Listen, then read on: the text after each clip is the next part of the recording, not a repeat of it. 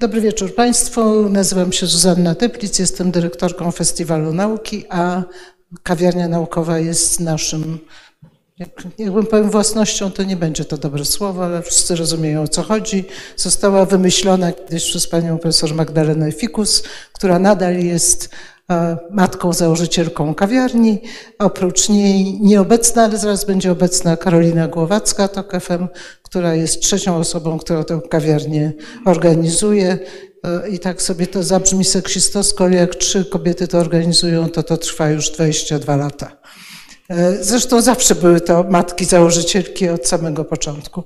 E, chciałam powiedzieć, że dzisiaj mamy ogromną przyjemność rozmawiać z niesłychanie ważną osobą, ale też utytułowaną, bo już przeczytałam, że dostała Pani dwie nagrody, o temacie, który chyba powinien nas wszystkich interesować, bo tak sobie pomyślałam, że poza całkowicie nowymi e, osiedlami wszyscy mieszkamy po kimś. Jednym słowem, ludzie przechodzili, mieszkali, zostawiali. Jeżeli nie ma tego na, na, tak jak myślę o warszawskim Muranowie, jeżeli nie ma tego na powierzchni, to jest pod nami, czyli pod, w, w tym, co zostało z gruzowiska, ale wszyscy mieszkamy po kimś. Mamy język po kimś. Dzisiaj zadałam studentom takie pytanie, skąd powstał takie ładne słowo czysto polskie jak dywan o którym wszyscy wiemy, że nie jest czysto polskie, no ale już jest polskie, bo przechodzili tędy Turcy i przechodzili Szwedzi, Francuzi, kto tu nie przechodził? I wszyscy coś zostawili, ale niektórzy mieszkali tu bardzo długo. I jakieś ich duchy zostały. Stąd nasz pomysł z Karoliną Głowacką, żeby zaprosić panią Karolinę Ćwiek-Rogalską, która ostatnio została laureatką Nagrody Naukowej Polityki, na spotkanie, żeby nam troszkę na ten temat poopowiadała. Jeszcze zanim oddam głos, to powiem, że już wiemy, co będzie w grudniu. W grudniu będzie ciemna materia. To tak sobie pomyślały, że na zmianę coś humanistycznego i coś fizycznego i ciemna materia będzie fizyczna. Pani Karolina, oddaję głos. Dziękuję. Tu już trzeba wyłączyć.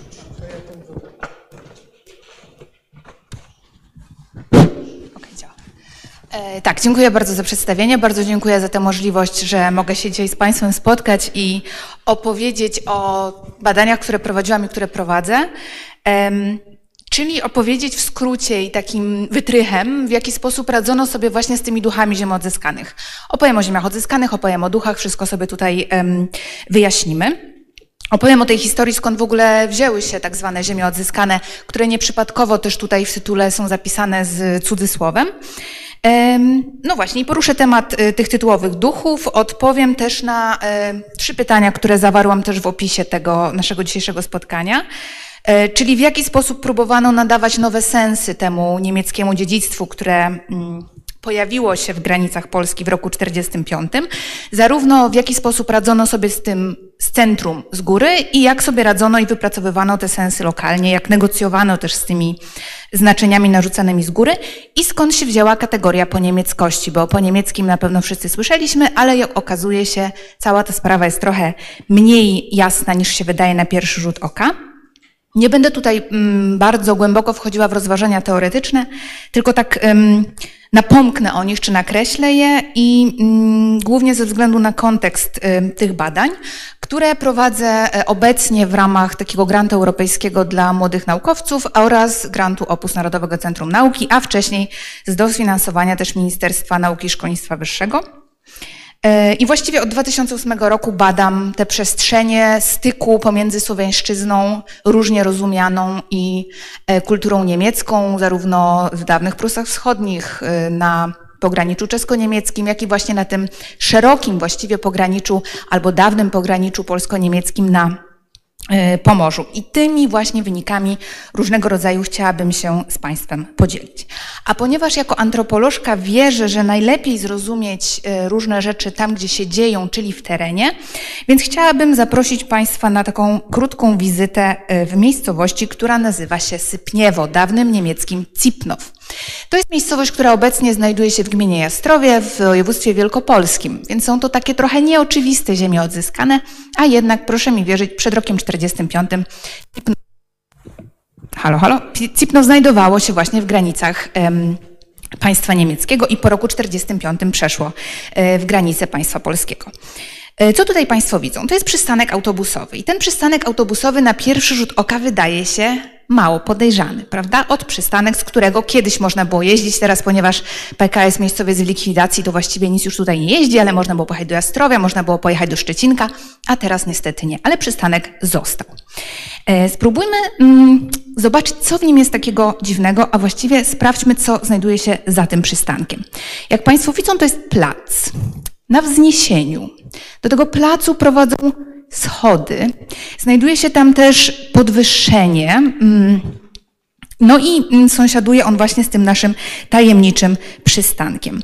Co właściwie, ym, dokąd nas mogą zaprowadzić te schody, które jak dzisiaj Państwo widzą, ten murek jest nowy, jak dzisiaj Państwo widzą, te schody prowadzą donikąd. No właśnie, one nas mogą skłonić właściwie, czy zaprowadzić do postawienia takich pytań, co takiego się tu wydarzyło, co tam takiego było, w jaki sposób możemy to zrozumieć i w ogóle dlaczego warto się tym interesować. Innymi słowy, co takiego może nam opowiedzieć ta przestrzeń tego dziwnego placu i przystanku autobusowego, z którego już dzisiaj nic nie jeździ. No właśnie, analiza tej przestrzeni i tych rzeczy, które tam pozostały i tego, w jaki sposób ludzie, którzy tam mieszkali i mieszkają, o tym opowiadają, może nas właśnie doprowadzić do tego, że zrozumiemy, co tam się takiego działo innego niż na pierwszy rzut oka. Bo spróbujmy zobaczyć na starym zdjęciu, co też znajdowało się na tym terenie. Ni mniej, ni więcej znajdował się tam kościół. Kościół ewangelicki, który zostaje następnie po roku 45 przestaje być użytkowany, a później w latach 60. i na początku 70. właściwie już zupełnie rozebrany. I tu cofamy się do naszego tajemniczego przystanku, ponieważ ten właśnie przystanek, ni mniej, ni więcej, powstał częściowo z cegieł z tego właśnie rozebranego kościoła. To, co jest interesujące też w całej tej historii, to fakt, że nie ma właściwie jednej historii tego, co stało się z tym kościołem. W Sypniewie funkcjonowały dwa kościoły. To nie jest wcale taka mm, rzadka rzecz na tym terenie. Bowiem bardzo często, ze względu też na bliskość granicy, funkcjonowały tam zarówno społeczności ewangelickie, jak i katolickie. Kościół katolicki pozostał w życiu, ewangelicki, jak już mówiłam, został rozebrany. I teraz, kiedy pytamy mieszkańców Sypniewa, co takiego stało się z tym kościołem, zarówno tych mieszkańców dawnych, jak i tych mieszkańców obecnych, otrzymujemy bardzo różne historie. Więc niemieccy wysiedleni mieszkańcy opowiadają, że właśnie pod koniec lat 60.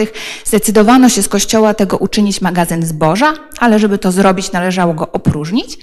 I um, obarczają winą za to przede wszystkim wojska radzieckie, które stacjonowały w okolicy. Jeżeli słyszeli Państwo o tych tajemniczych głowicach jądrowych, które Armia Czerwona trzymała na terytorium Polski, Znajdowały się one prawdopodobnie niedaleko Sypniewa w takiej miejscowości Brzeźnica. Nieco dalej znajdowało się radzieckie miasteczko Gorodek, a jeszcze dalej to zamknięte miasto Borne-Sulinowo, więc tych żołnierzy radzieckich w okolicy było nieustająco wiele.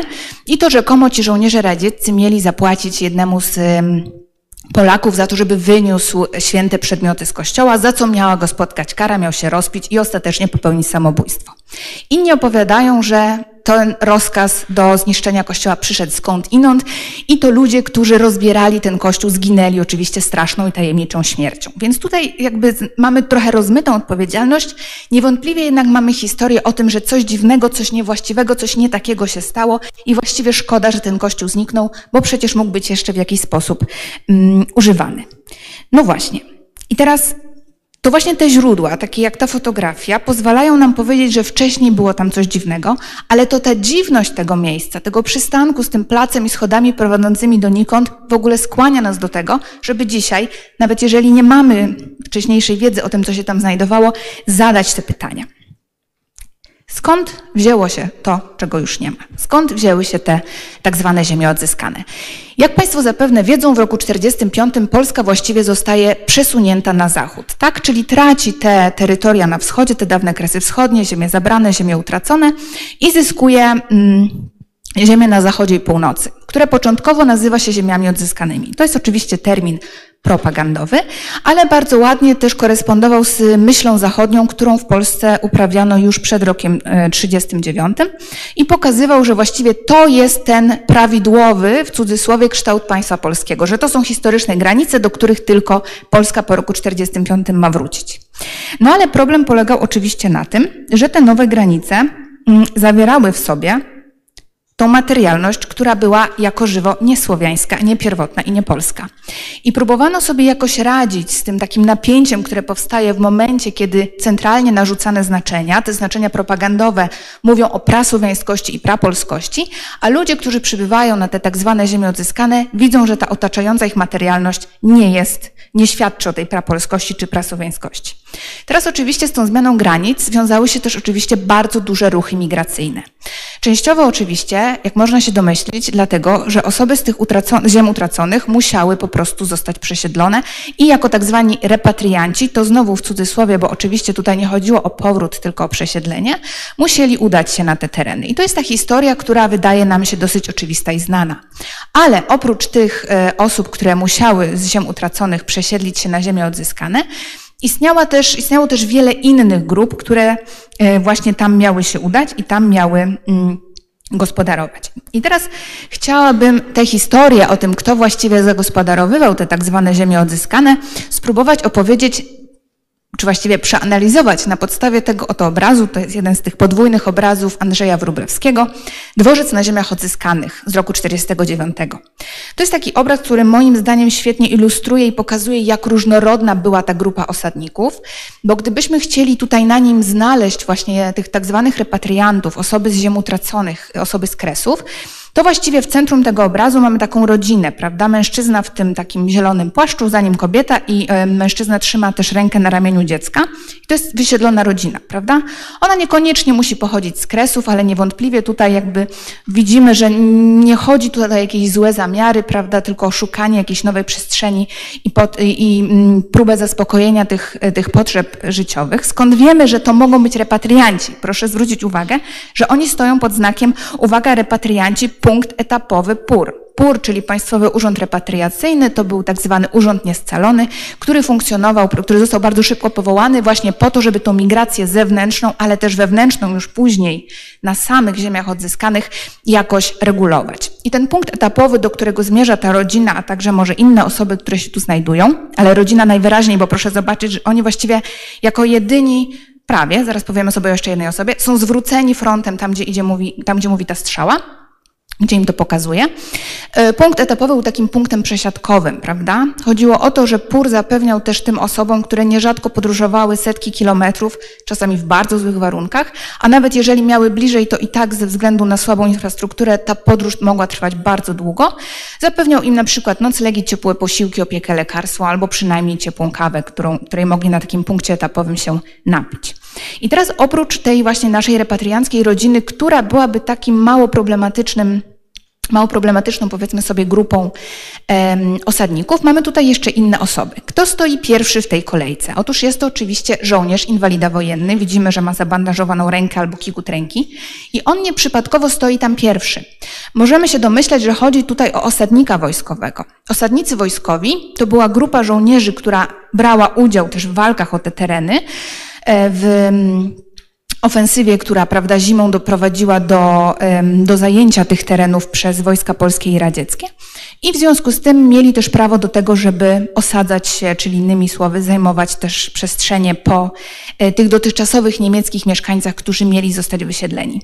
Ta historia się nieco komplikuje, bo sami osadnicy wojskowi też później zostali trochę, padli trochę łupem tego, co się działo w wewnętrznych rozgrywkach, ale Tutaj właśnie ten żołnierz, prawda, który tak się zastanawia, co, co dalej będzie robił, a równocześnie też nie patrzy w stronę tego puru, bo widać, że w jakiś inny sposób ma prawo do tej własności, którą może nabyć, też jest częścią tej grupy osadniczej. Między innymi i rodziną widzimy pod tym plakatem z napisem rolnicy, widzimy, jak to opisuje się e, przy tym obrazie kłaka. Ale generalnie oczywiście chodzi tutaj o takiego osadnika rolnego, prawda, chłopa, który też jedzie na te ziemie odzyskane, wzywany też właśnie z centrum przez te propagandowe nowe historie, żeby zająć gospodarstwo, żeby może zająć większe gospodarstwo, też w przypadku osób z centrali, które, prawda, które ten głód ziemi na przykład wypędzał do tego, czy skłaniał do tego, żeby przesiedlać się na ziemię odzyskane.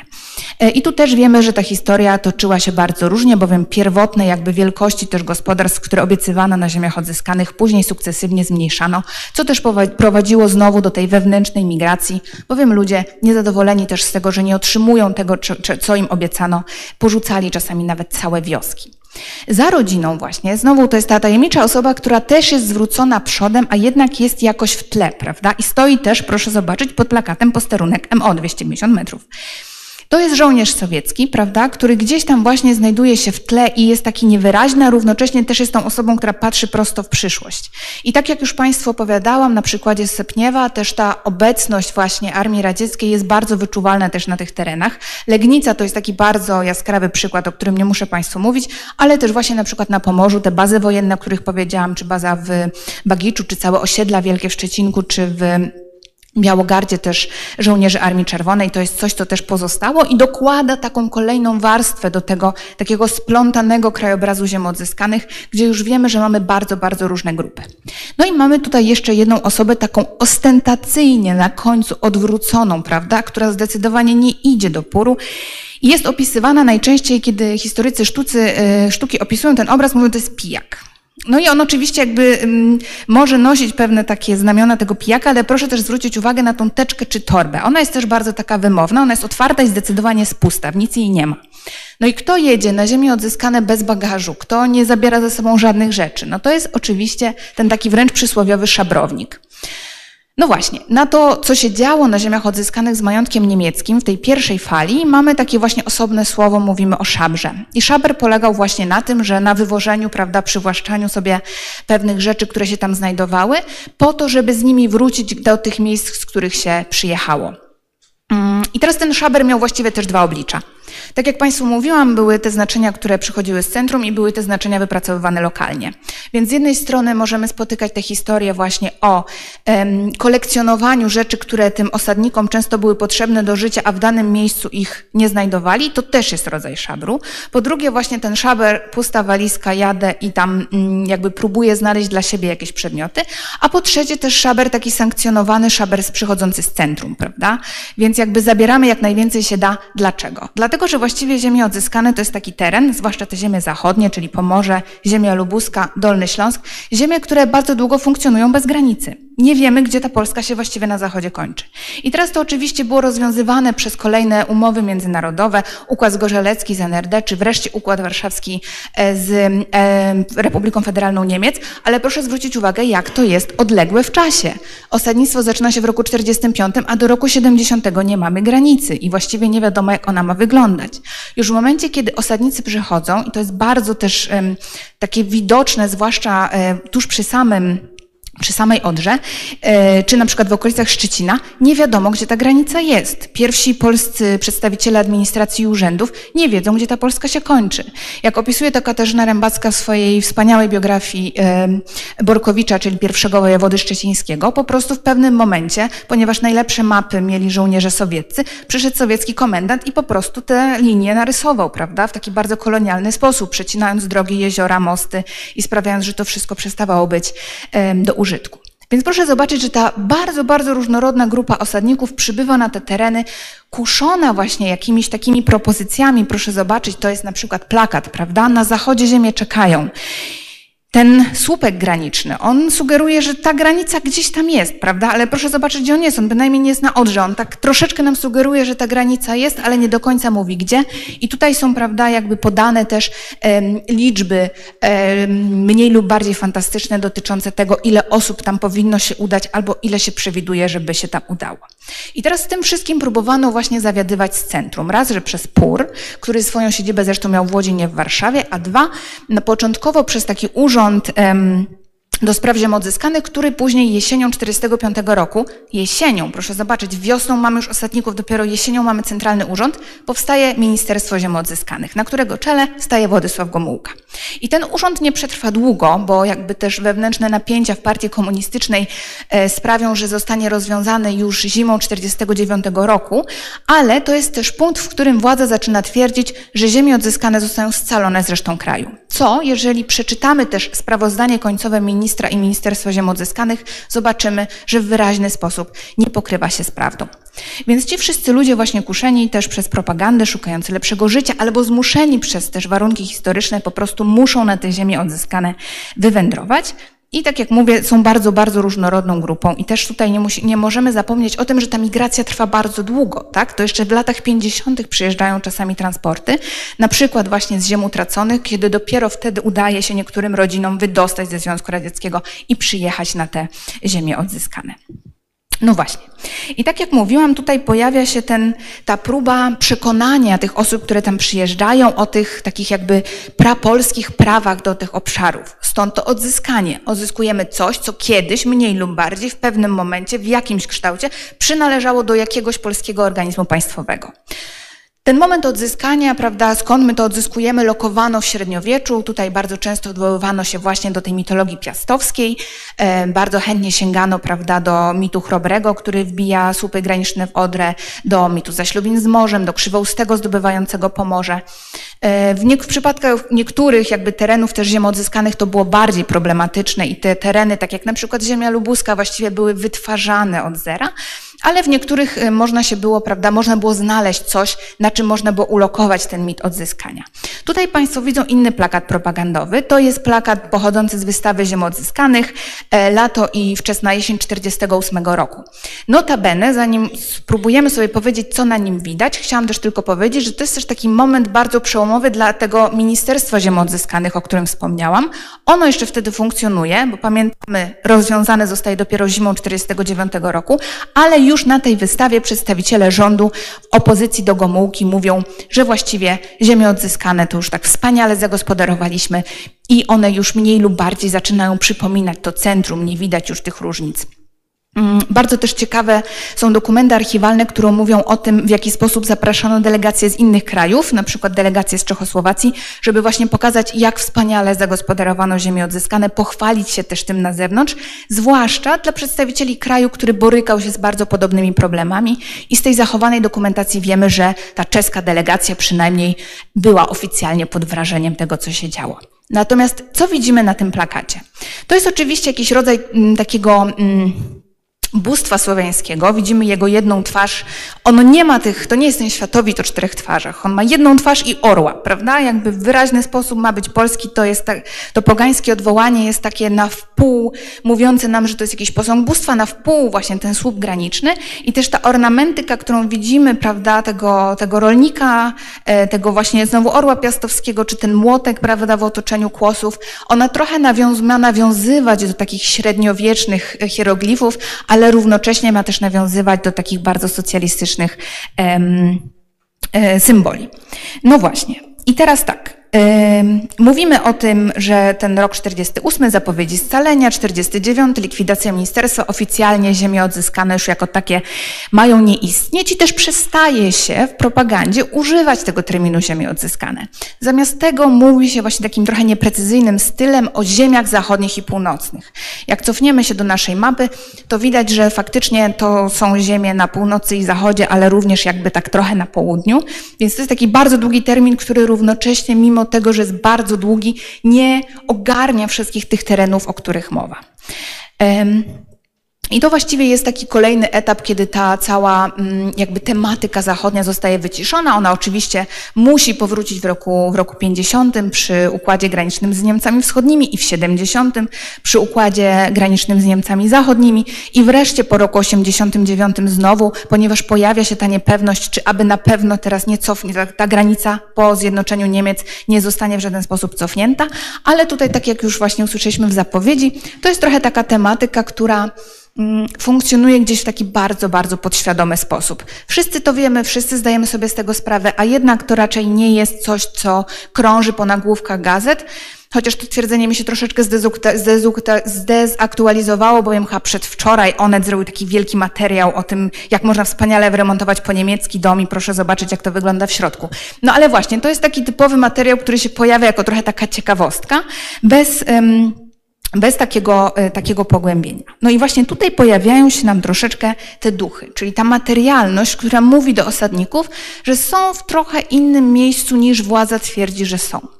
Ja tymi duchami nazywam wszystkie materialne pozostałości, które zostają po zniknięciu ich pierwotnych właścicieli. Bo teraz bardzo często osadnicy przychodzili do miejsc, gdzie ci niemieccy właściciele jeszcze byli. Byli, bo czekali na wysiedlenie. Wysiedlenia przebiegały w kilku etapach, począwszy od takiego dzikiego wysiedlenia, ucieczki przed frontem też, to zwłaszcza w przypadku Prus Wschodnich. Jeżeli kojarzą Państwo takie... Mm, przykłady ucieczki i wypędzenia, to najczęściej właśnie z Prus Wschodnich, prawda? To jest ostra zima, ucieczka przed frontem, prawda? Jakby y, tysiące ofiar też, które zamarzają po drodze, czy nie mogą przejść Wisły. Mm, dzikie wysiedlenia, czyli takie prowadzone też na własną rękę, trochę przez wojsko, trochę też y, niekiedy przez nowych osadników i wreszcie zorganizowane wysiedlenia. Czyli to, o czym mówimy, kiedy myślimy też o tych transportach, prawda, pociągami y, do stref okupacyjnych Niemiec.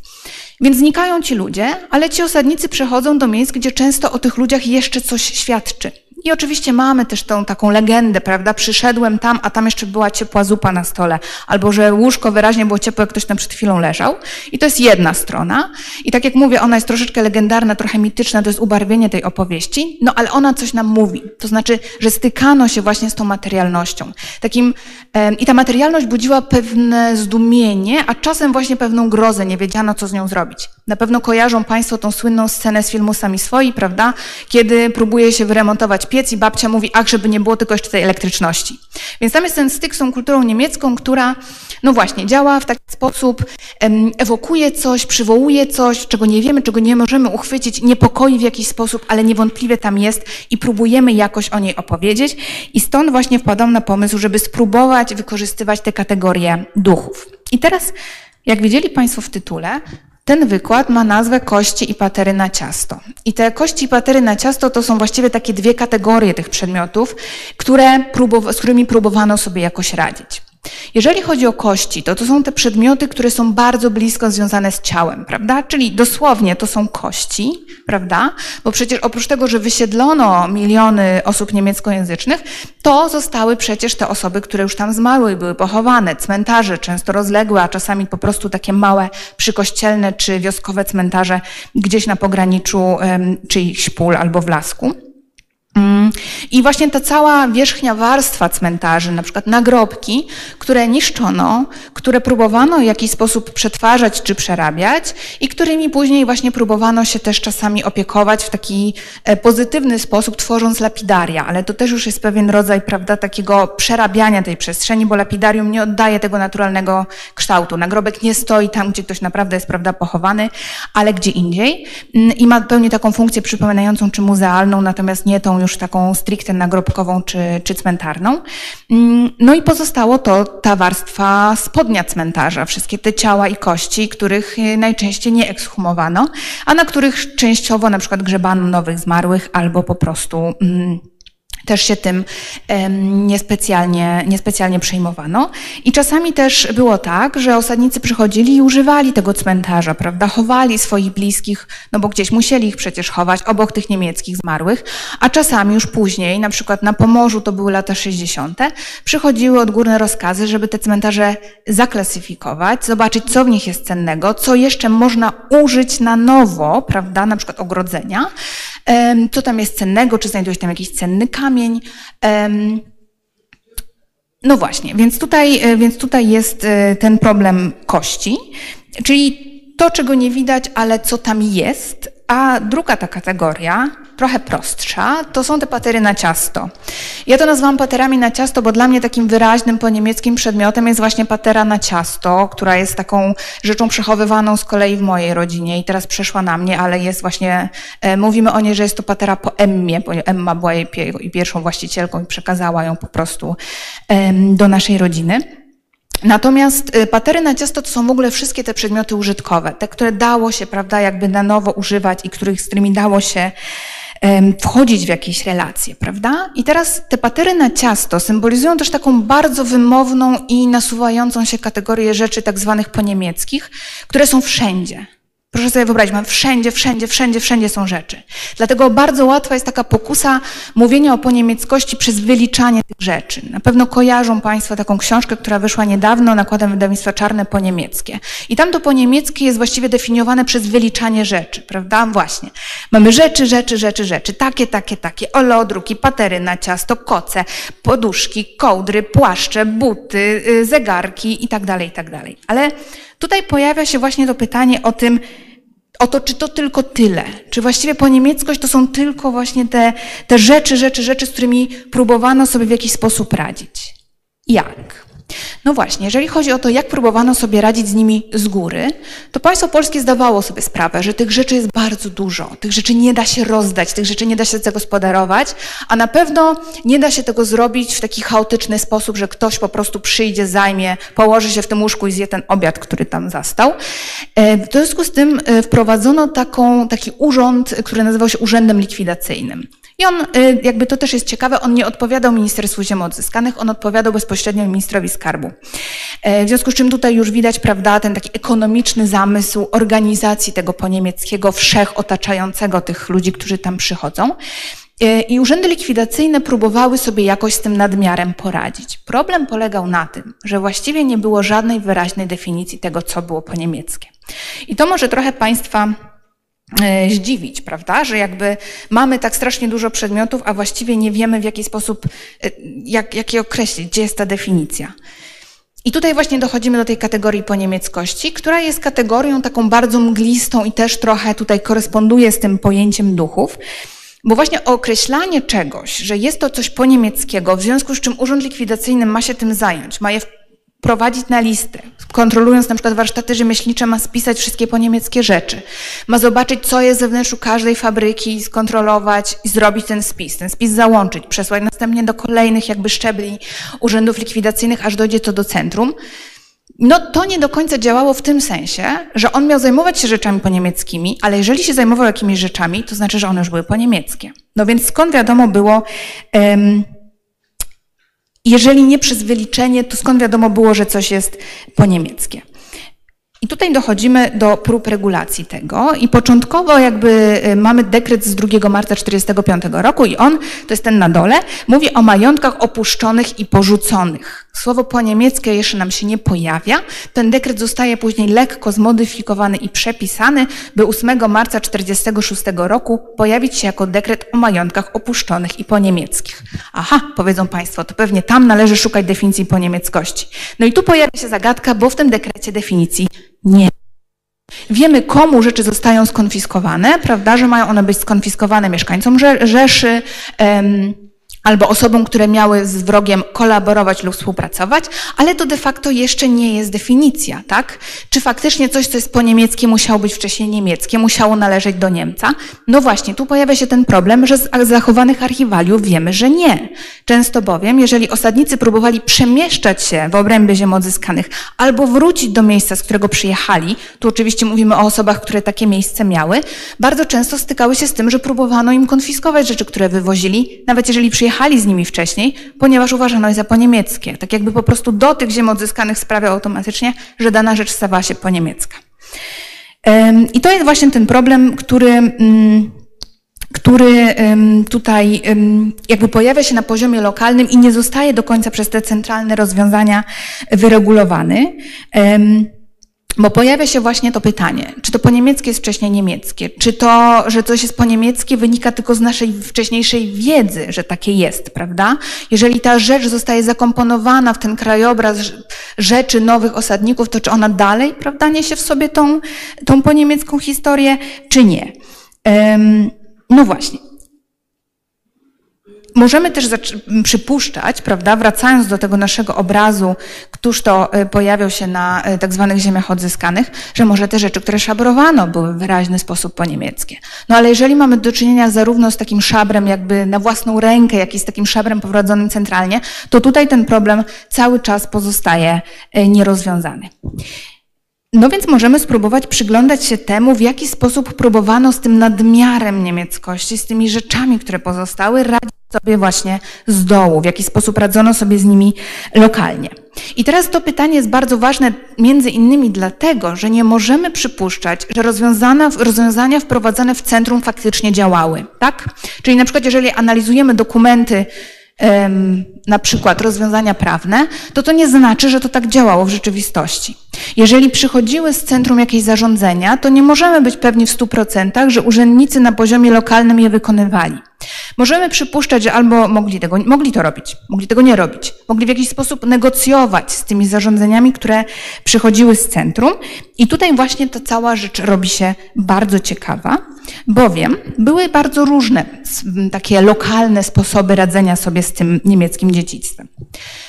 Więc oczywiście niszczenie. To niszczenie to jest takie wspaniałe polskie słowo pod tym względem, że niszczenie może, coś może zni zostać zniszczone, ale może też po prostu niszczeć, prawda? Może zostać zniszczone w taki sposób, że pozostawiamy je i ono powoli, prawda, jakoś tak pasywnie sobie mm, jest niszczone. E, I oprócz takiej właśnie aktywnej e, fali niszczenia tego niemieckiego dziedzictwa, która bardzo często też zachodziła, pamiętamy tutaj jeszcze raz, pozwolę sobie cofnąć do tego obrazu Wróblewskiego, o tej obecności, e, o tej obecności żołnierzy radzieckich, więc bardzo często to niszczenie to nie była wcale jakby pierwsza inicjatywa osadników. Te rzeczy czasami były zniszczone przez przejście frontu, a czasami już po przejściu frontu bywały, tak jak na przykład tutaj widzą Państwo pałac e, w Kłębowcu, bywały palone przez Armię Czerwoną. I później właśnie tak niszczały i gdzieś tam zostawały też jakby rozbierane przez osadników, którzy próbowali jeszcze coś z tych miejsc, no właśnie, uratować w cudzysłowie, znaleźć, wziąć, prawda? E, albo właśnie e, było to takie niszczenie pasywne. Tutaj po drugiej stronie widzą Państwo resztki pomnika poległym w I wojnie światowej w Drawsku Pomorskim. To są lata 60., to jest zdjęcie z lat 60. i widać, że on po prostu jest zostawiony do tego, żeby czas, pogoda, e, przygodne, jakieś takie akty wandalizmu sobie z nim poradziły. Mm, I to też był taki moment, w którym, e, kiedy zostawiano te rzeczy do zniszczenia, właśnie przez czas czy pogodę, w pewnym momencie ktoś decydował, że to już jest w tak złym stanie, że no teraz to już musimy sobie z tym poradzić, teraz już dochodzi do tego aktywnego zniszczenia i musimy to usunąć, ponieważ na przykład uzasadniano to takim bezpieczeństwem publicznym, prawda? Że jakby to też zagraża, jest w tak złym stanie, że zagraża bezpieczeństwu. No właśnie, ale niszczenie to jest jedna strona medalu, bo stosowano też bardziej kreatywne rozwiązania i właśnie jednym z nich był e, to, co ja nazywam właśnie recyklingiem, czy recyklingiem też tych treści. I ten e, recycling mógł mieć bardzo różne mógł wynikać z bardzo różnych potrzeb, prawda? To znaczy właśnie przede wszystkim z potrzeby. Brakowało czegoś, trzeba to było w jakiś sposób zapełnić, e, na przykład jakąś użytkową pustkę, więc przerabiano coś, co, co się znajdowało. Na przykład wykorzystywanie materiału, prawda? Budowanie z jakichś cegieł, które zostały na przykład z pałacu e, podmurówek, prawda? Uszczelniania czegoś, czy odgradzania czegoś. Po drugie, ten recycling mógł też wynikać z rozpoznania wartości tego czegoś. Tak jak Państwu mówiłam o, tej, o tym, o tym katalogowaniu cmentarzy w latach 60. i o tym wybieraniu rzeczy, które jeszcze mogły się tam przydać, to taką ciekawą przygodą, powiedzmy, takiej rzeczy, która pozostała, rzeczy po niemieckiej, jest przypadek kamieni z jednego z cmentarzy w Słupsku, które e, znajdują się obecnie na powązkach wojskowych. W latach 60. E, Zbowit wystąpił bowiem o to, by mm, móc mm, pozyskać z ziem odzyskanych granic szwedzkich, którego chciano użyć na upamiętnienie jednej z z jednego z oddziałów Armii Krajowej i ten kamień sobie tu przewędrował, prawda? Rozpoznany jako cenny granit szwedzki i został zrecyklowany jakby do, do nowej potrzeby. Po trzecie wreszcie, mm, wynikały też, y, ten recycling wynikał też z takiego emocjonalnego poczucia, że można, że nikt już się o to nie stara, że po prostu jakby mm, jest jakaś taka możliwość i próba zagospodarowania tego, co też zostało, prawda? Z tego, z tego nadmiaru niemieckości. No i szerzej oczywiście, też dzisiaj na przykład ten recycling, który cały czas trwa, wynika z takiej e, potrzeby upamiętnienia tego, prawda? Te lapidaria, o których mówiłam, wspominałam, czyli jakby też e, wyszukiwanie tych niemieckich nagrobków, które często leżą w bardzo złym stanie na cmentarzach i e, wyszukiwanie dla nich, ustawianie je w jakimś jednym miejscu, to jest też przykład takiego jakby trwającego recyklingu, więc to bynajmniej nie znaczy, że temu recyklingowi możemy nadać jakieś wartościowanie pozytywne czy negatywne, prawda? To jest po prostu jakiś taki proces, który, który, który się pojawił, który trwa. Co zatem recyklowano, mogą Państwo zapytać. No właśnie, czyli jaki, jak, jakich narzędzi używano, żeby to, co Niemcy po sobie zostawili, e, zrecyklować? E, to jest to trzecie pytanie, na które chciałabym dzisiaj Państwu odpowiedzieć. Mm, I chciałabym odpowiedzieć głównie na podstawie takiej bardzo szczególnej kategorii rzeczy, która pozostała po Niemcach, była w sposób mało oczywisty dekodowana przez osadników, a której było w nadmiarze. I to były pomniki, właśnie pomniki poległych w I wojnie światowej. Jak Państwo wiedzą, też pierwsza wojna światowa, pierwsza taka masowa wojna z dużą ilością ofiar, ona wywołała po roku 18 w Europie, w tych państwach, które brały w niej udział, taki boom pamięciowy. I upamiętniano jakby tych żołnierzy, którzy masowo ginęli na frontach, nie w tych miejscach, gdzie oni zginęli, ale z których pochodzili. I to się działo zarówno w państwach, które tę wojnę wygrały, jak i tych, które ją przegrały, na przykład właśnie w Niemczech, gdzie właściwie każda miejscowość, wioska, jakaś mała osada budowała taki pomnik, na którym wypisywano nazwiska tych osób, które stamtąd właśnie poszły i poległy. No i teraz problem polegał na tym, że ci osadnicy polscy, którzy tam przychodzą, e, to są ludzie, którzy zazwyczaj nie znają tego rodzaju pamiętnienia, bo u nas pierwsza wojna światowa była konotowana jednak inaczej. To jest ta wojna, która wróciła na niepodległość. To jest ten rok 18, to jest ta, ta radosna okazja. Więc właściwie oczywiście jakby w pewnych miejscowościach mamy te pomniki, ale to nie jest tak powszechne, prawda? Więc jakby próbowano zrozumieć, z czym właściwie mamy do czynienia. Tutaj ta bariera kulturowa, historyczna, językowa też miała swoje znaczenie i znaczenie miała oczywiście trauma. Przychodzą ludzie, którzy są silnie straumatyzowani tą wojną, która dopiero co się skończyła. To jest dla nich ta podstawowa wojna i w ten sposób odczytują też pewne elementy tych pomników, na przykład orły niemieckie czy krzyże żelazne, które się na nich znajdują. No więc właśnie, część tych pomników niszczono albo pozostawiano do zniszczenia, jak Państwo widzieli na przykładzie Drawska.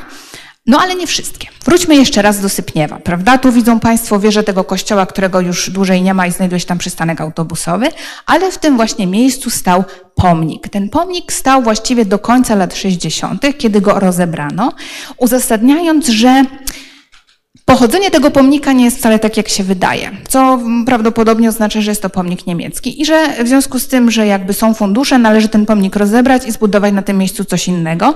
Problem polega na tym, że pod koniec lat 60. zdołano jeszcze ten pomnik rozebrać, ale fundusze się skończyły i nie zbudowano nic nowego.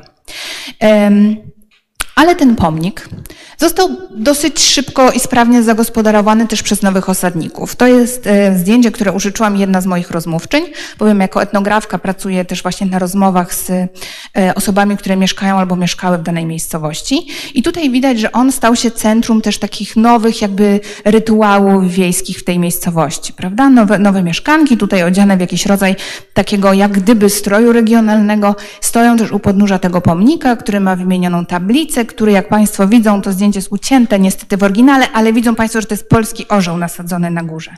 I teraz skąd my w ogóle możemy wiedzieć, co to jest za pomnik, czyli to jest pomnik? Jeżeli prześledzimy inne pomniki, które znajdują się mm, e, w no właściwie na innych terenach, które należą albo należały do, do państwa niemieckiego, to widzimy bardzo zbliżone kształty. Tutaj mamy pomnik, e, szkic pomnika z Białego, miejscowości Biały Zdrój, obok e, pomnika z Pomierzyna i one przypominają trochę ten pomnik sypniewski, więc możemy tutaj właśnie mówić o tym, że że mamy tutaj do czynienia e, z przerobionym pomnikiem ku czci poległych w I wojnie światowej. E, czyli to jest taki istotny przykład nadmiaru, tak? Mnóstwo tych pomników i pomniczków w różnych miejscowościach, z którymi, z którymi właśnie próbowano sobie radzić. I tutaj w Sypniewie widzimy, że w dosyć taki um, pozytywny sposób próbowano też sobie z tym pomnikiem poradzić i on miał być właśnie tym ośrodkiem jakichś takich wiejskich uroczystości. Ale nie zawsze tak było. Te pomniki przerabiano w bardzo różny sposób. W roku 2020 skończyliśmy pracę nad katalogiem tych pomników na Pomorzu Środkowym razem z naszym zespołem i jak policzyliśmy, na co najczęściej one były przerabiane, to właśnie najczęściej były przerabiane na pomniki maryjne. To jest pomnik w miejscowości Siemczyno, która jest niedaleko Czaplinka e, i tutaj Państwo widzą najpierw zdjęcie oryginalnego pomnika. On ma taki bardzo charakterystyczny kształt, jak Państwo widzą, prawda? Tak jak gdyby hełm z krzyżem żelaznym w wieńcu e, i na nim właśnie siedział, siedział ten orzeł niemiecki, który został strącony i na nim osadzono, um, osadzono Maryję i tutaj też skuto, prawda, te, te pierwotne inskrypcje, ale cały czas widać ten podejrzany kształt. To jest może nawet jeszcze bardziej podejrzane niż ten dziwny plac za przystankiem w Sypniewie, prawda? Dlaczego ta Maryja stoi właśnie na takim, um, na takim postumencie? Mm, No i dlaczego to robiono właśnie, dlaczego te pomniki maryjne były takie popularne? Dlaczego przerabiano to właśnie w ten sposób? Dlatego, że te znaczenia, które były dosyć proste i uniwersalne do zdekodowania, to były znaczenia religijne. Jest to co prawda krzyż żelazny w wieńcu, ale to jest jednak krzyż, prawda? Co więcej, pomnik ten stoi na terenie przykościelnym, więc można go właśnie w taki sposób zrecyklować, w taki sposób użyć ponownie, żeby nie budził pewnych, pewnych wątpliwości. Tutaj tablice skuto, ale są przypadki takich pomników maryjnych, jak na przykład w Łabędziach niedaleko Drawska, czy e, w Lotyniu niedaleko Okonka, gdzie cały czas ta Maryja stoi na postumencie, na którym są nazwiska. E, Są częściowo skute albo nie muszą być wcale częściowo skute. I to więc jakby tutaj pokazują się też te różne warstwy, które, e, które są też jakby związane nierozerwalnie z tą kulturą tak zwanych ziem odzyskanych. Oprócz tego były też na przykład inne pomniki religijne, na przykład na pomniki, pomniki e, Chrystusa. E, No właśnie też ze względu na to, że e, na, na te krzyże tutaj też jakby, e, czy tutaj w, tej, w tym przypadku e, bliskość kościoła. E, No i używano ich tak jak umiano. E, Próbowano je przerabiać tak jak e, umiano je przerabiać, więc tutaj nie tylko jakby e, ten szczyt jest inny, jest ta figura Chrystusa, ale też ten pomnik jest odmalowany, prawda? To jest zadbany pomnik, któ- którym równocześnie są cały czas też nazwiska e, poległych, które tylko częściowo skuto zamalowano farbą. Em, Ale oprócz pomników religijnych próbowano te pomniki też jakby zagospodarowywać na rzecz tworzących się kultur lokalnych. To jest pomnik e, w miejscowości Iwięcino, która jest malowniczo nazywana miejscowością końca świata, a to wcale nie dlatego, że jest bardzo daleko, tylko dlatego, że w lokalnym kościele jest wspaniała polichromia e, przedstawiająca apokalipsę z takimi pomorskimi akcentami, więc jak Państwo jadą z Koszalina do Darłowa, to bardzo polecam się zatrzymać. I niedaleko tego kościoła, ale nie na terenie kościelnym właśnie, znajduje się ten pomnik, który też jest takim, taką rzeczą budzącą wątpliwości. Bo z jednej strony widzimy na nim krzyż, a z drugiej strony, jeżeli obejdziemy go wokoło, to tam są właściwie trzy różne tablice. Bóg, honor, ojczyzna, y, który może ewokować właśnie, prawda, jakieś takie y, narodowe czy polskie sensy. Niemiecki napis 1914, 1918, 1939 do 45 i ta tablica, którą chciałam Państwu pokazać, czyli w hołdzie osadnikom przybyłym do Iwięcina w 1945 roku, wystawione w roku 2006. Z tą mapą zaznaczoną, z miejscowościami, które też podważają gdzieś tą taką narrację głównego nurtu, że osoby przesiedlane na ziemię odzyskane to są tylko osoby z ziem zabranych, bo jak widzimy, jako żywo na tej tablicy iwięcińskiej to są często miejscowości z centrali. Więc te e, pomniki też próbowano tak recyklingować, żeby one też niosły jakieś lokalne sensy, żeby można było po prostu z nimi, e, z nimi żyć. No i właśnie to prowadzi mnie do tego, że ta kultura ziem odzyskanych to jest taka kultura współżycia z duchami, taka kultura, która żyje wśród tych duchów i która z tymi duchami próbuje sobie cały czas jakoś radzić. Kultura, która jest palimpsestem, czyli na której napis, nadpisane są bardzo różne warstwy, właśnie co doskonale też ilustruje ten pomnik, e, ten iwięciński pomnik, który mm, z różnych stron upamiętnia bardzo różne rzeczy. E, Jeżeli chcieliby Państwo dowiedzieć się czegoś więcej, to tutaj jakby odsyłam do naszego katalogu poległych Pom- z, poległych z Pomorza Środkowego i do takiego tekstu, który napisałam właśnie o pojęciu ziem odzyskanych. Bardzo dziękuję.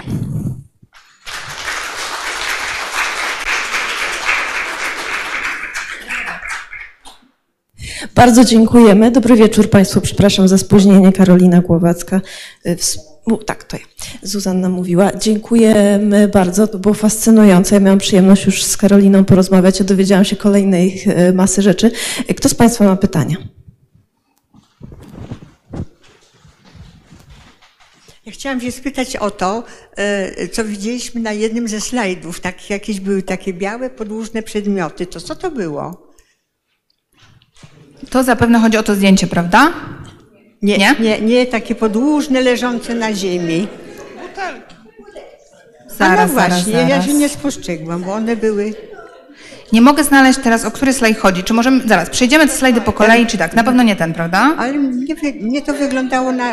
One były zawi, za, zawinięte w coś. A, tak, okej, tak, to są, okej, butelki leżące na plaży, prawda? A. Dlatego, że tutaj chciałam zilustrować w taki trochę przekorny sposób to pojęcie Ja recyklingu, które nas odsyła do takich rzeczy, których użyliśmy, ale możemy użyć jeszcze raz, do rzeczy użytkowych, które mogą znowu się przydać.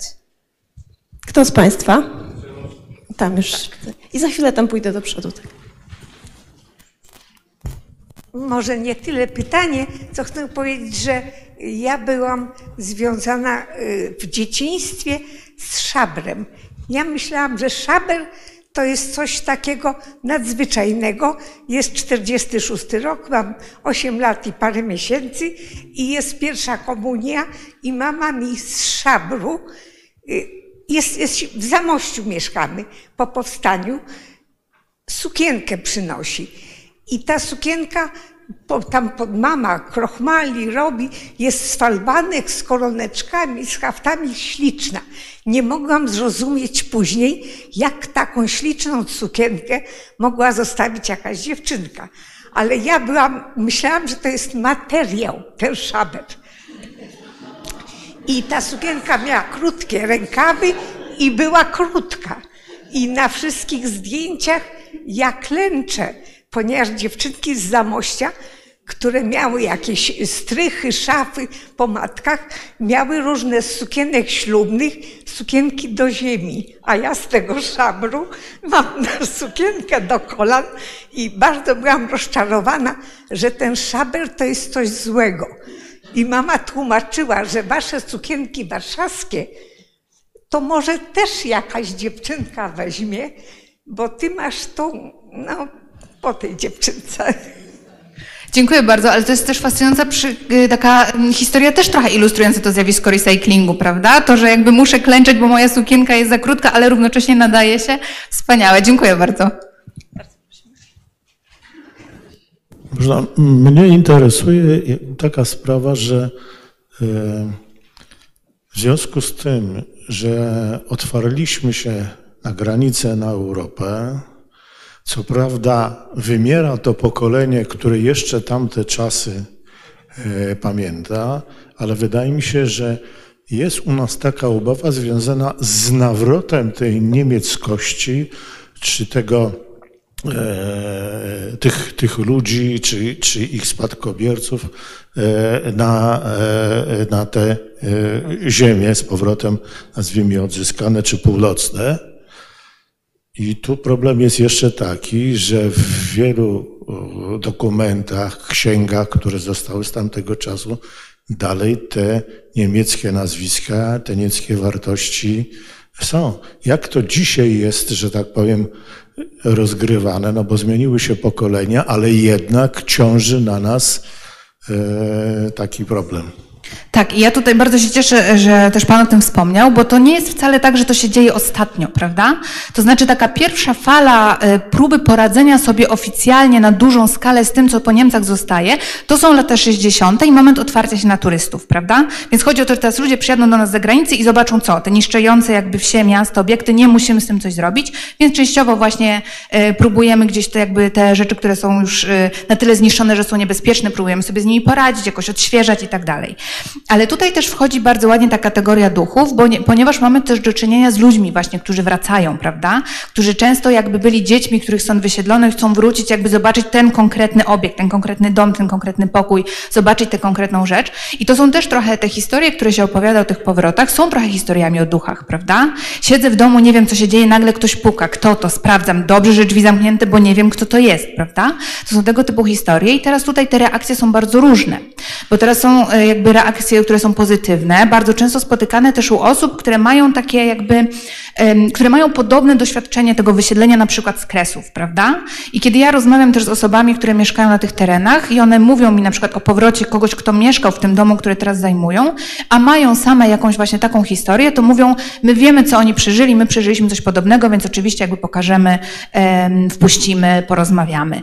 E, są jakby też takie historie właśnie obojętności, po co ten ktoś tutaj się, prawda, kręci, ja właściwie nie rozumiem, skąd on się tutaj wziął i czego chce. Są też oczywiście historie y, wrogie, prawda? To znaczy jakby nie masz więcej do tego prawa, y, a poza tym jakby cierpieliśmy bardzo dużo. Tutaj jakby też to podkreślanie takiego wzajemnego cierpienia, prawda? Że jakby oni owszem zostali pozbawieni swoich rzeczy, no ale jednak mamy do czynienia cały czas z tą zbiorową winą niemiecką za wywołanie wojny, więc tutaj jakby to się powinno gdzieś w takim um, powszechnym rozumowaniu jakoś, jakoś równoważyć. Więc tutaj jakby bardzo różnie, różnie sobie z tym radzą dane osoby. Natomiast jeżeli chodzi o taki poziom ponadindywidualny i na przykład y, to, co się dzieje też z tymi, z tym dziedzictwem po niemieckim, czy z tym dziedzictwem niemieckim, jak próbują sobie z tym radzić poszczególne miejscowości, ich zarządy, prawda, administracja, no to oczywiście mamy do czynienia z tym odnawianiem czy wykopywaniem. Na przykład na przykładzie tych, y, na przykład na przykładzie, na przykładzie tych pomników, którym Państwu opowiadałam, to jest bardzo ciekawa rzecz, ponieważ często odkrywa się właśnie ponownie tą ich niemieckość, prawda? Nie próbuje się jej zacierać, ale próbuje do niej dotrzeć. Czy nawet, i to było bardzo ciekawe przy... Mm, próbach y, wykonania właśnie tego katalogu, o którym Państwu mówiłam, na bieżąco dowiadywaliśmy się, że na przykład jakiś pomnik został wykopany, bo te pomniki bardzo często zakopywano po prostu po wojnie y, i dostawaliśmy wiadomości, że w danej miejscowości, w której już byliśmy, sporządziliśmy dokumentację, zrobiliśmy fotografię, ten pomnik znowu stoi, ponieważ dowiedziano się, gdzie był zakopany i jakby próbuje się go, y, próbuje się go na nowo zaprezentować czy odświeżyć. I tutaj czasami też dochodzi do takich prób kreatywnego recyklingu, no bo na przykład jest już w bardzo złym stanie, więc próbuje się na przykład dodać jakieś elementy. Tu widzieli Państwo na przykład y, kwiaty przy pomniku religijnym, ale to są często na przykład też jakieś resztki z niemieckiego cmentarza, które zostały i mogłyby tutaj jeszcze jakoś y, właśnie udekorować ten na nowo odnaleziony pomnik. Więc jakby te strategie są bardzo różne od y, właściwie jak można się spodziewać na takim spektrum od niechęci indywidualnej czy lokalnej przez jakby taką obojętność aż po aprobatę i próbę odnalezienia na nowo tego, co tutaj było wcześniej wcześniej.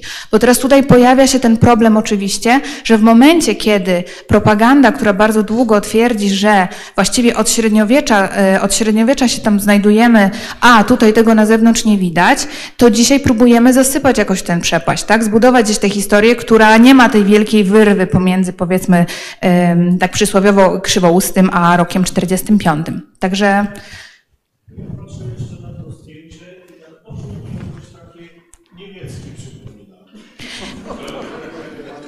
No właśnie, to, tak, to ja tu Państwu opowiem też taką historię o próbie e, w jednej z miejscowości właśnie na Pomorzu była próba powrócenia do średniowiecznej e, heraldyki miasta.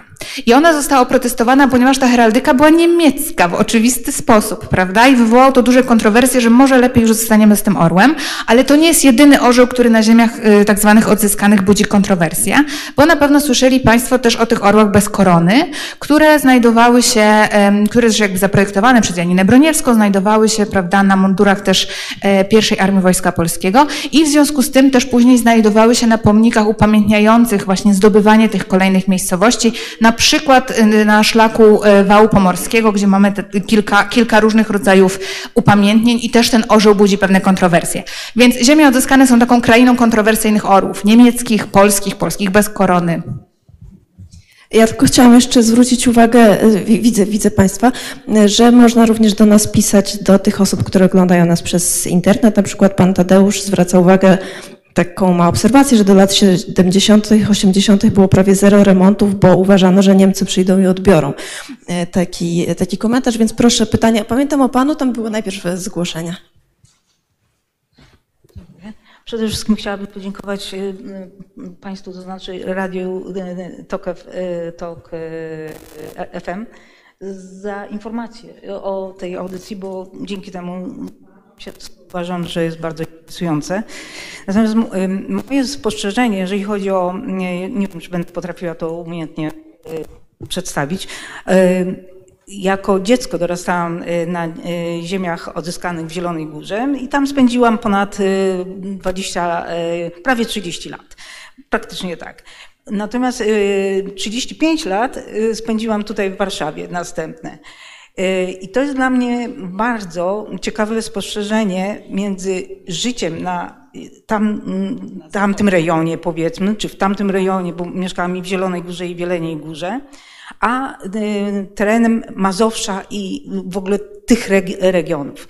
Jednym, y, jednym z takich dla mnie ważnych spostrzeżeń, który zauważyłam mieszkając tutaj, y, tak zwane obrazy, które przedstawiono y, w y, y, lekturach szkolnych typu Nadniemnem, czy też Pan Tadeusz i tak dalej, te najbardziej nam powszechne, zna, powszechnie znane, czy też obrazy czy Chełmońskiego, Malczewskiego i tak dalej. Ja pamiętam te obrazy z tych przedstawiane na obrazach czy w książce opisywane, to są te obrazy z tych rejonów. Natomiast nie by, ja się nigdy nie potrafiłam odnaleźć, y, czytając y, te książki czy oglądając y, reprodukcje, właśnie tych obrazów, mieszkając na ziemiach zachodnich. Mnie to szalenie zawsze.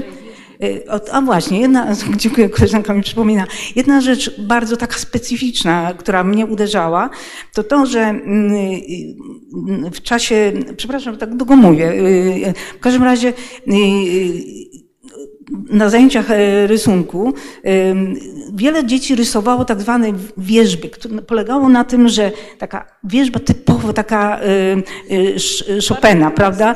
Prosty, e, prosty pień i do tego te gałązki, patyczki. Ja ich nigdy nie zauważyłam na ziemiach e, tam, gdzie mieszkałam. Ja nie rozumiałam, skąd takie drzewa. Ja poszukiwałam tych drzew, koło nas były topole, e, brzozy, e, morwy, tak, ale nie było tych wież. Dopiero jak zamieszkałam tutaj, ponieważ no, dzieciństwo było trudne, biedne i tak dalej, więc moi rodzice nie mogli pozwalać sobie na to, że jedziemy po Polsce na wycieczkę, to było po prostu bardzo ciężkie czasy. Więc mieszkając tutaj, dopiero zauważyłam, o co chodzi z tymi pięknymi. Tak, tak, dosłownie ta, to określę tą polskość, ja, ja autentycznie odczułam dopiero tutaj. Y, y, To nie znaczy, że y, dla mnie tamte tereny to są moje, moje, prawda? Ja się tam bardzo dobrze, dobrze czuję, ale tutaj odczuwam to coś, co chyba w sercach Polaków gra. Tak mówię, nie chcę tutaj y, jakichś y, y, takich bana, banałów prawić, ale chodzi mi o to coś, co, co gdzieś czy w pieśniach wszelkiego rodzaju opisach, właśnie to coś było tu.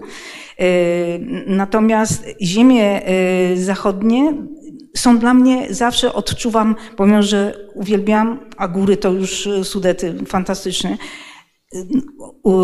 one są ciężkie, po prostu w swoim takim wyrazie, w budownictwie, y, w, nigdy tam nie widziałam dworków, które były opisywane w różnych lekturach. Także to są moje spostrzeżenia i, i takie, no, takie moje odczucia. Tyle. Dzięki.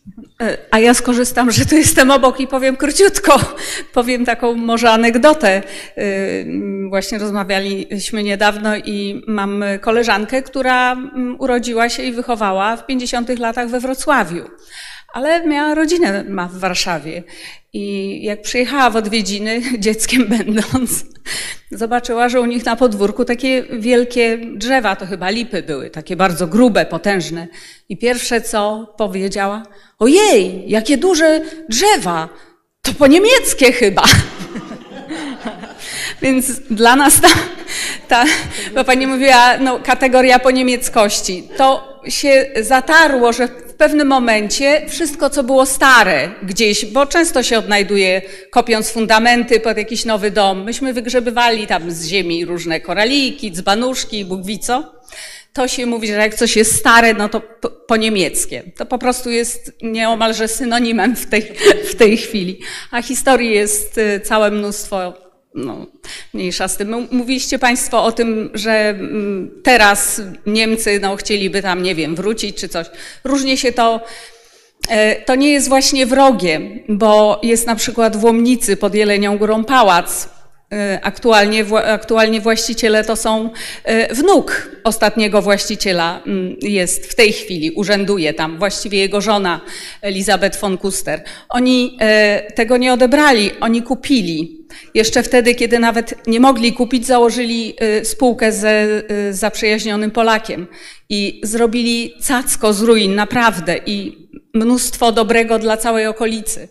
Także mm, Elizabeth von Kuster, Łomnica, jakbyście Państwo gdzieś tam poszukali, to jest niesamowicie ciekawa historia. Jak ci Państwo z, z piątką dzieci, w jakich warunkach y, odnawiali i ratowali to, co tam się jeszcze dało uratować. Ja osobiście też mieszkam w domu po niemieckim. Pierwsze zdjęcie z 1700, y, tak, z 1897 roku. To był urząd celny w takiej wsi, prawie już na granicy czeskiej, w tej chwili w górach. E, I miałam przyjemność, nie wiem, okazję poznać e, właściciela, e, pana, który wyjechał z tego domu jako ostatni z rodziną. Bardzo już taki leciwy pan o laseczce i przyjechał z wnukiem, z, z, synem młodszym i z dwoma wnukami. I tylko on y, pamiętał ten dom, już y, nikt więcej, bo oni się urodzili trochę później, żona zmarła. I to była bardzo mm, przyjemna wizyta. Mm, bardzo się cieszyli, że dom jest, że, y, no, że nie zniszczał. I potem chyba zadali sobie nawet dużo trudu, bo dostałam list w języku polskim. Poprosili kogoś, żeby przetłumaczył dziękowali i życzyli mi, żebym ja tam tak szczęśliwie żyła e, jak oni, więc bardzo, mm, bardzo tak to pozytywnie. I mogę powiedzieć, że tam po sąsiadach, jak wiem, to no sporo jest takich historii. Także, mm, a pomnik też jest.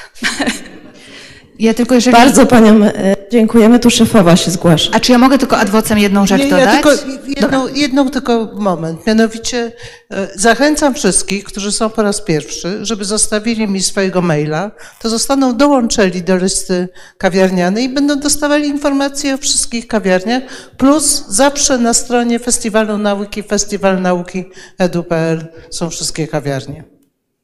Ty mi do Radia Tok FM do słuchania nie zniechęcaj, bo to warto cały czas. Bardzo prosimy prelegentkę o... Więc ja chciałam tylko dodać, i to może być jakby interesujące też dla Państwa, że oczywiście istnieje w nauce, w naukach o kulturze taka koncepcja złotego krajobrazu, czy krajobrazu narodowego. No i w przypadku, prawda, polskim to będą na przykład te szopenowskie, szopenowskie wierzby, ale też ziemia lubuska tutaj jest ciekawa pod tym względem, jak wspominała Pani też o tej Zielonej Górze, że ona mm, jako jedna z nielicznych właściwie wytworzyła taką bardzo mocną literaturę regionalną, prawda, to częściowo byli pisarze i pisarki przywożeni z Poznania, którzy tworzyli, ale częściowo też jakby osoby, które tam się faktycznie osiedliły.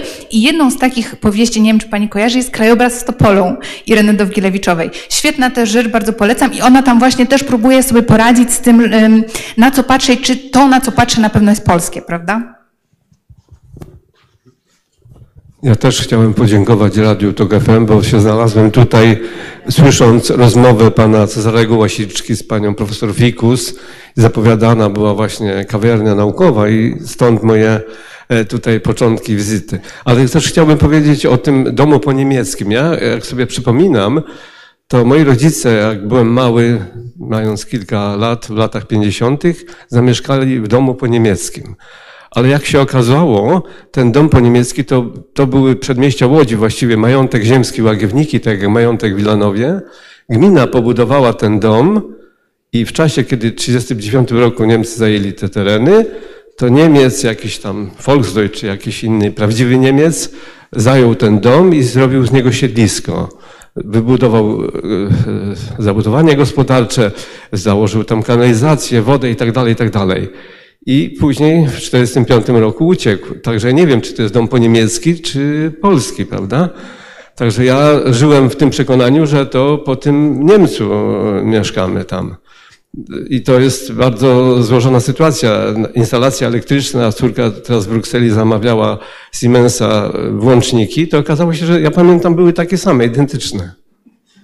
Tak, ale to jest też bardzo ciekawa sprawa, bo my tą poniemieckość kojarzymy w bardzo wyraźny sposób z tymi tak zwanymi ziemiami odzyskanymi, a warto pamiętać, że wysiedlano osoby nie tylko z właśnie z terenów ziem zachodnich i północnych, ale też, że poniemieckość można znaleźć w centralnej Polsce. I to nie tylko jakby chodzi o taką poniemieckość, pookupacyjność, ale też jakby o całe osadnictwa, które były um, osadników niemieckich, którzy żyli przez wiele stuleci oraz jakby w centralnej Polsce na przykład, oraz osoby, które identyfikowano jako Niemców po roku 45, na przykład na podstawie wyznania. Ja się w pewnym momencie zajmowałam właśnie mm, taką wioską na pograni dawnym pograniczu polsko-pruskim, to jest teraz pogranicze między województwem podlaskim, warmińsko-mazurskim, skąd właśnie, gdzie tam mnie zainteresował ten temat, że zniknęło w pewnym momencie wielu, wielu mieszkańców, bo to byli Niemcy i oni wyjechali. I ja też miałam właśnie taką zagadkę, ale jak to Niemcy? Ja jestem z Pomorza i dla mnie Niemcy są oczywiści, a tam skąd się wzięli ci Niemcy? I właśnie okazało się, że to były osoby, które nie identyfikowały się jako Niemcy, ale ze względu na to, że byli protestantami, byli wciągani też, na Volkslistę i w związku z tym by, byli wysiedleni później. I też jakby o prac, jest kilka już w tej chwili prac właśnie o tej poniemieckości Polski Centralnej, więc e, gdyby ktoś chciał, to ja służę oczywiście odniesieniami bibliograficznymi. Gwoli uzupełnienia tej pana wypowiedzi o Łodzi, otóż i Łódź, i jego okolice, a również Łagiewniki i Zgierz, to były populacje, gdzie y, były bardzo duże mniejszości i niemieckie, i żydowskie. W takim małym miasteczku podłódzkim Zgierzu, gdyby sumować mniejszość niemiecką i żydowską, to Polacy byliby w mniejszości prawdopodobnie. Także ten pana dom, y, czy on jest, bo on jest po niemiecki, proszę pana. Tam za chwilkę, bo tam pani. Już pędzę, proszę uprzejmie.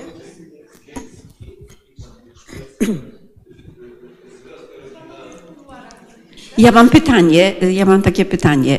Czy rząd też sprzedawał różne rzeczy? Bo mój wujo kupił po wojnie zaraz młockarnię.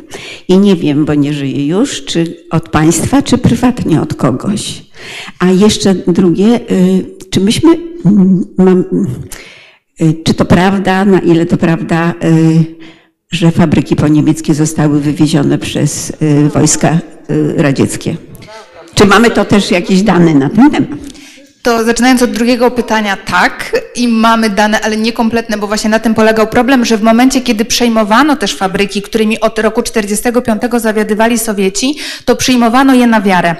To znaczy podpisywano odbiór. Na przykład tak się działo, na przykład enklawa policka pod Szczecinem, super późno odzyskana od Sowietów. Wiem, jakby mamy dokument, którym po prostu administracja polska podpisuje, ponieważ jakby musi podpisać.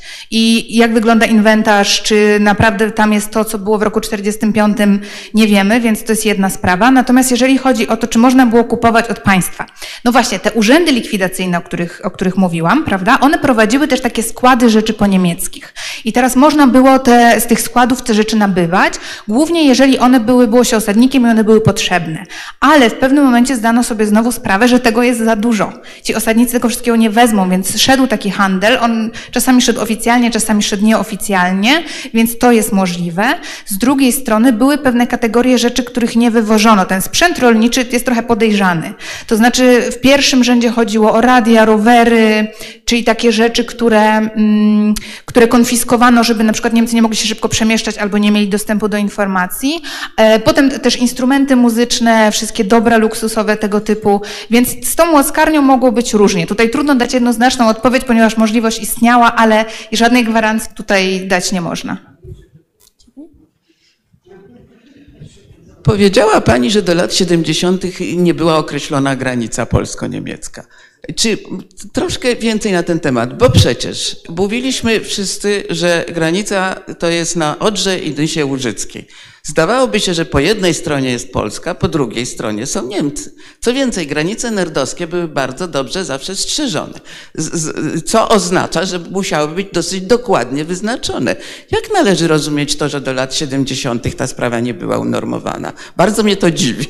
Tak, bo jakby w ogóle sprawa normowania tej granicy polsko-niemieckiej to jest cała jakby taka osobna działka historyczno-politologiczna, powiedziałabym, ale problem polegał na tym, że po pierwsze osadnictwo zaczyna się jeszcze przed umową poczdamską, która teoretycznie jakby reguluje ten koniec wojny, prawda? I tych osadników się jakby też um, zachowały się takie wspomnienia świadczące o tym, że za, zachęcano ich celowo, żeby też w już móc powiedzieć aliantom, my tu już jakby się osadziliśmy, nie można nas są cofnąć, mimo że jakby cały czas postulowano, znaczy zastanawiano się, czy ta granica ma być na Odrze i Czy może na przykład na Nysie Kłodzkiej. Churchill na przykład twierdził, że powinna być na Nysie Kłodzkiej, bo to sprawi, że Polska wysiedli mniej e, Niemców, więc opinia publiczna będzie mniej oburzona. Ale ta granica się jakby cały czas przesuwała i to e, ustanowienie jej jakby wewnętrzne na Odrze i Nysie Łużyckiej to jest referendum w 46, prawda? Mamy trzy pytania. Trzecie to jest, czy jesteś za granicą na Odrze i Nysie Łużyckiej, ale to było takie rozwiązanie jakby na użytek powiedzmy wewnętrzny, natomiast zewnętrznie cały czas jakby toczyła się ta rozmowa. I teraz Kwestia tego, jak ta granica wygląda materialnie w rzeczywistości, gdzie mamy na przykład właśnie, prawda, zasieki, nie wiem, pas ziemi niczyje i tak dalej, i straże graniczne, to jest jedna sprawa, a jej regulacja międzynarodowa to jest druga sprawa.